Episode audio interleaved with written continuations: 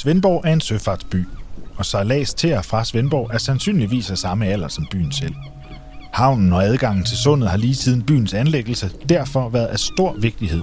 Havnen var adgangen til verden, og Svendborgs suger ned i den globale handelsstrøm. Middelalderbyens havn lå ved Brogade, der er opkaldt efter den skibsbro, den ledte frem til. Kystlinjen var helt anderledes dengang. Svendborg har via opfyldning ædt sig ind på sundet og skubbet kystlinjen længere og længere ud. Det sidste sted, man kan få et indtryk af middelalderhavnen, er ved sejlskibsbroen, hvor det lille havneafsnit, der kaldes Mudderhullet, ligger. Her har husene stadig haver, der går ud til vandet og egne små skibsbroer.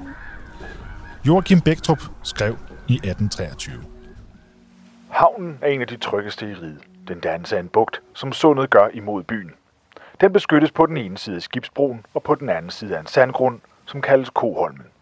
Holmen strækker sig fra syd til nord, omtrent en kabellængde fra broen. På denne sandgrund afbrydes søen, og den gør, at skibene i havnen ikke udsættes for beskadigelse af drivis. Midt i 1800-tallet vandt dampskibene frem, og de krævede mere kajplads og større dybder. Kajerne voksede med tiden hele vigen rundt.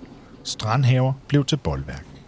Senere blev den lille sandgrund, som Bæktrup nævner, inddraget. Og den gik fra grøn sandbanke til Industriø under 1. verdenskrig, hvor Svendborg Værft blev anlagt. Frederiksø, som øen hedder i dag, blev dog stadig kaldt Holmen af værfsarbejderne. Før lastbiler og motorvej kom det meste gods til byen med skib. Havnearbejderne havde et fysisk hårdt arbejde. Havnearbejder Julius Larsen fortalte i 1956, hvordan arbejderne slæbte foderkager i 150 kilos tunge sække fra skibene og op på tredje sal i parkhusene. De første sække med foderkager, vi tog på ryggen, var ikke blide. Det hændte mange gange, at blodet løb os ned ad ryggen for de sår, der ikke var lægt for dagen før. I Julius' havnekarriere, der varede fra 1912 til 1956, var udviklingen kolossal. I 1912 kunne en almindelig tremastet skåndert på omkring 250 tons losses på 5-6 dage med et lossemandskab på 7-8 mand. I 1956 tog det fire mand to dage at losse 700 tons. Og man gik fra 100 havnearbejdere til 30. Fra 1970'erne frem kom der markant mindre gods over kaj. Indenrigstransporten foregik nu i lastbiler, og havnen mistede gradvist sin betydning som transportcenter. I 1990'erne lukkede havnens to største virksomheder, Kellogg's og Svendborg Værft. Forandringerne på Svendborg Havn har været mange, men alligevel færre og mindre end i landets andre havne.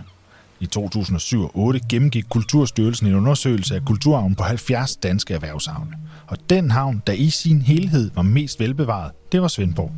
For her kan du se Kornhavn fra 1800-tallet, Værfsø, dammskibsmoler, færgehavn, gasværkskaj og lystbåde samlet på et sted.